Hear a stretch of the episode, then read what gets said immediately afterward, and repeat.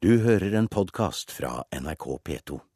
Regjeringen kan snart være ferdig med sin klimamelding, programleder i Politisk kvarter, Bjørn Bø. Ja, og er det noen som har grunn til å glede seg etter en langvarig prosess, spør vi. Og det nærmer seg jordbruksoppgjør. Bøndene krever mer enn fine ord og glansbilletter.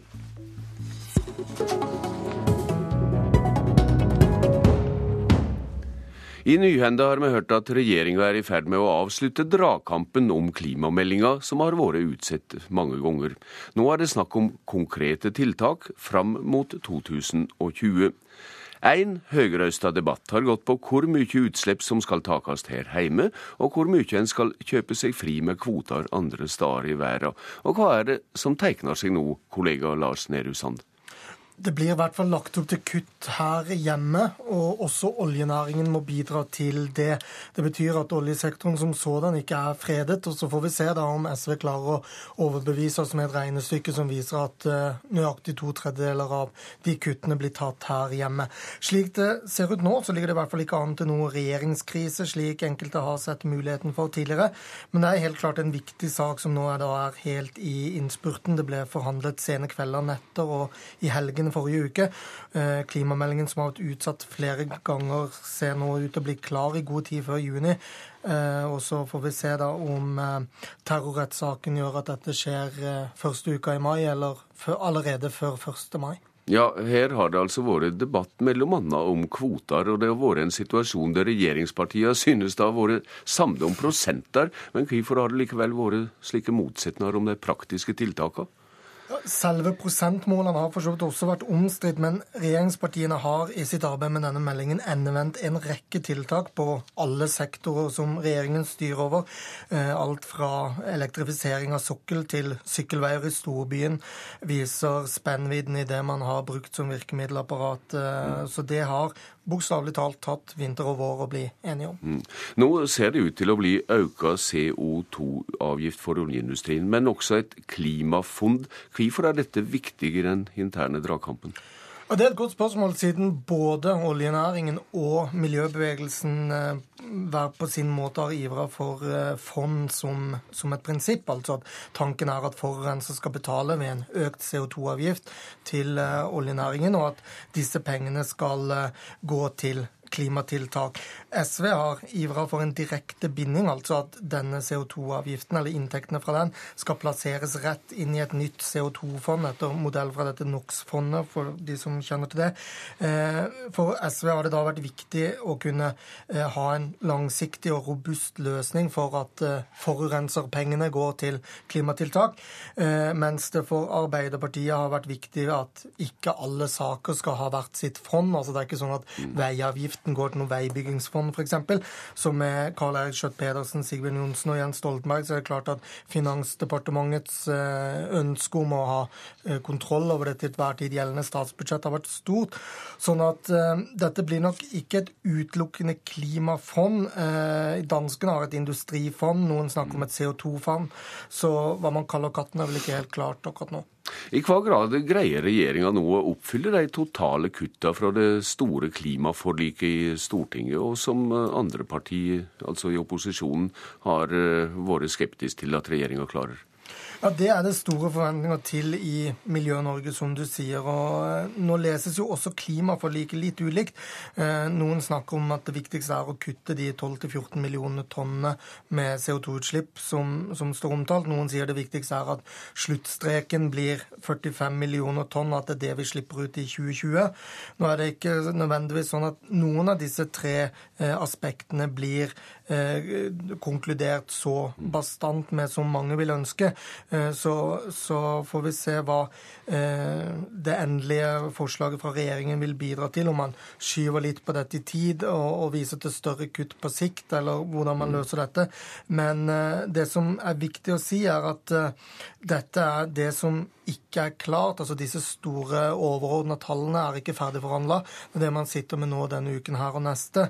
Med, man la dette til side fra forhandlingene på nyåret og, og begynte da å snakke om tiltakene heller enn de store overordna målene som da fortsatt gjenstår. Det høres ut som det kan ligge prokuratorknep i bunnen her, men et annet omstridt emne har vært om den norske skogen skal regnes inn i klimaregnskapen. Dette må du forklare.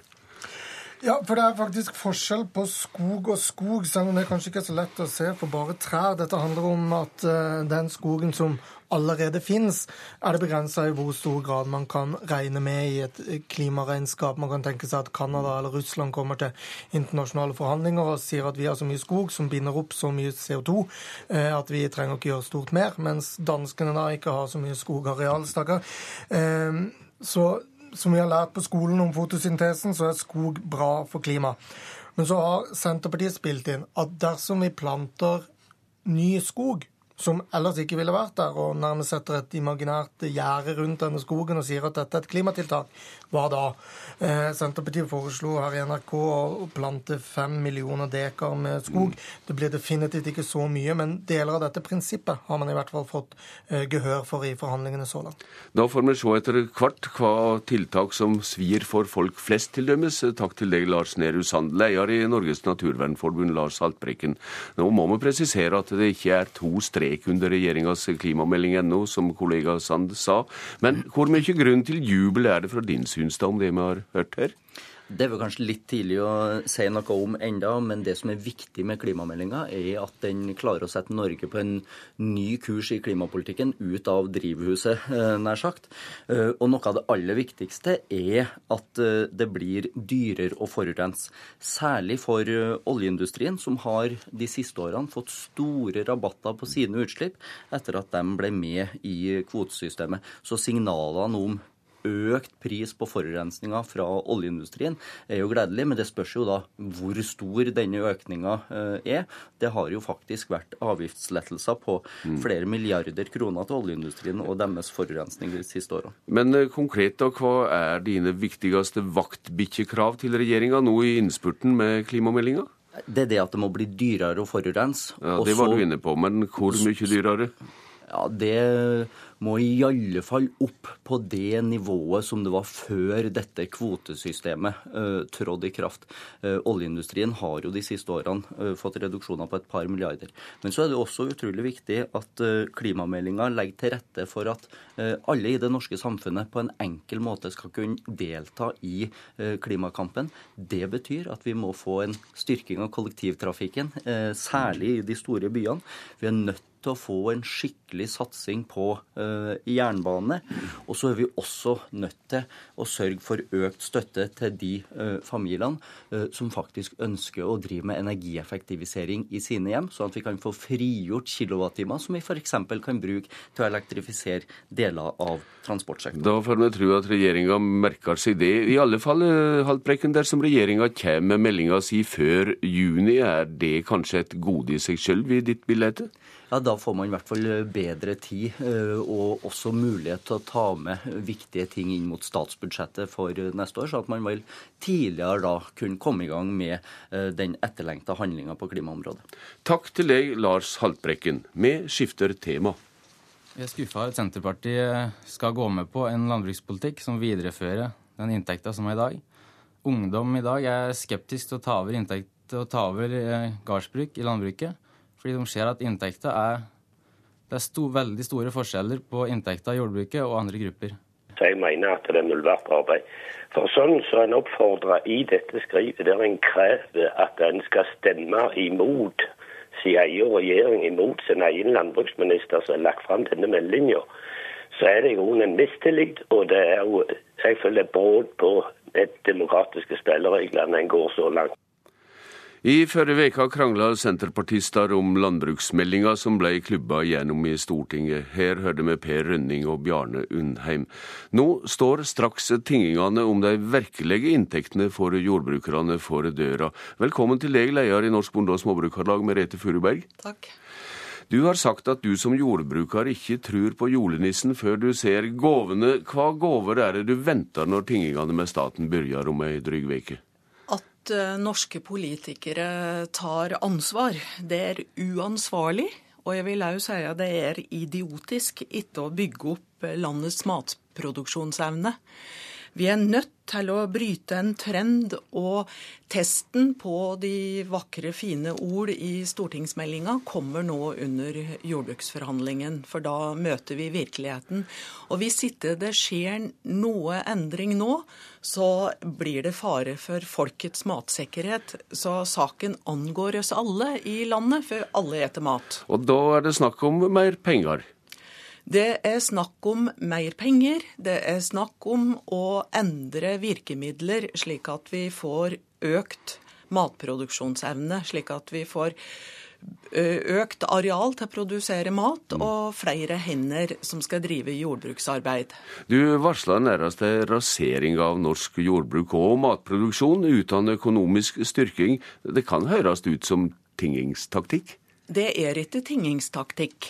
Eh, hvis vi ser på eh, hva regjeringa sjøl sier, dvs. Si Arbeiderpartiets talsmenn, som sier at vi skal ha en videreutvikling av Soria Moria I-perioden.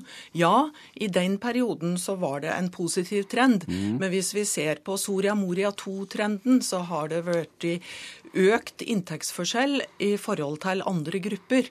Og hvem vil satse på en næring som tjener 180 000 sammenlignet med andre? Ja, men Furuberg tala syner at eh, jordbruket har en inntekts, eh, inntektsvokster på nær 30 000 kroner per årsverk fra i fjor til i år? Eh, tall kan diskuteres. Eh, 180 000 mindre per årsverk Eh, verk enn sammenligningsgruppa. Det er det som er hovedsaken, og det er det som ungdom ser på når de vurderer å gå inn og begynne med jordbruksarbeid eller ikke. Nå har det vært intensiv, som det heter på fint, til rasjonalisering i jordbruket. Og må ikke også jordbruket rasjonalisere drifta slik andre virksomheter i samfunnet må? Så absolutt skal vi bli mer produktive, og mer produktive på alle felter. Eh, arealproduktiviteten har gått drastisk ned. Og det hjelper ikke mm. å springe fortere hvis du ikke produserer bedre og mer sikker mat. Eh, I en biologisk næring som matproduksjon er, så er det helt feil å bare se på antall sekunder du bruker for å produsere en enhet. Du skildrer en økonomisk sak, eh, men også en moralsk sak. Og for å si det enkelte, småbrukarlaget har ofte ivra for mindre stimulering av stordrift og mer styrke for et desentralisert jordbruk. Slikt blir fort dyrt. Det blir det ikke nødvendigvis. Nå er det jo vist eh, at enkelte områder i landet så er det brukt mye mer eh, budsjettpenger fra regjeringen på å stimulere stordrift og færre hender i arbeid. Og hvis vi skal klare å produsere mat i landet vårt, så må vi bruke arealer, og arealer ligger over hele landet. Og tenk for en fordel i landet vårt med at vi har matproduksjon spredt, hvis vi tenker på smittet av planter og dyr. Det er et fantastisk land å produsere mat i. Småbrukarlaget har ofte bråte jordbrukstingingene og lete storebror Bondelaget føre avtale fram. Dermed vil noen si at det er gratispassasjerer. Hva sier du? Så absolutt ikke. De som kan forhandlinger, vet at det, det er et verktøy å enten skrive avtale eller å bryte. Og Norsk Bonde- og Småbrukerlag har sett og visst hva den feilslåtte politikken fører til, og vi har ikke villig tatt noe ansvar for det. Men da blir det, det, da blir det Ropert-politikk på en måte? Nei, ikke snakk om. Er det Ropert-politikk når eh, en eller annen fagforening innenfor LO bryter? Mm. Eh, men det har lite å truge med tingingsinstituttet, som det kalles på fint. Det er slik at det er Stortinget som vedtar oppgjør og inntektsoverføringene, i alle fall til slutt?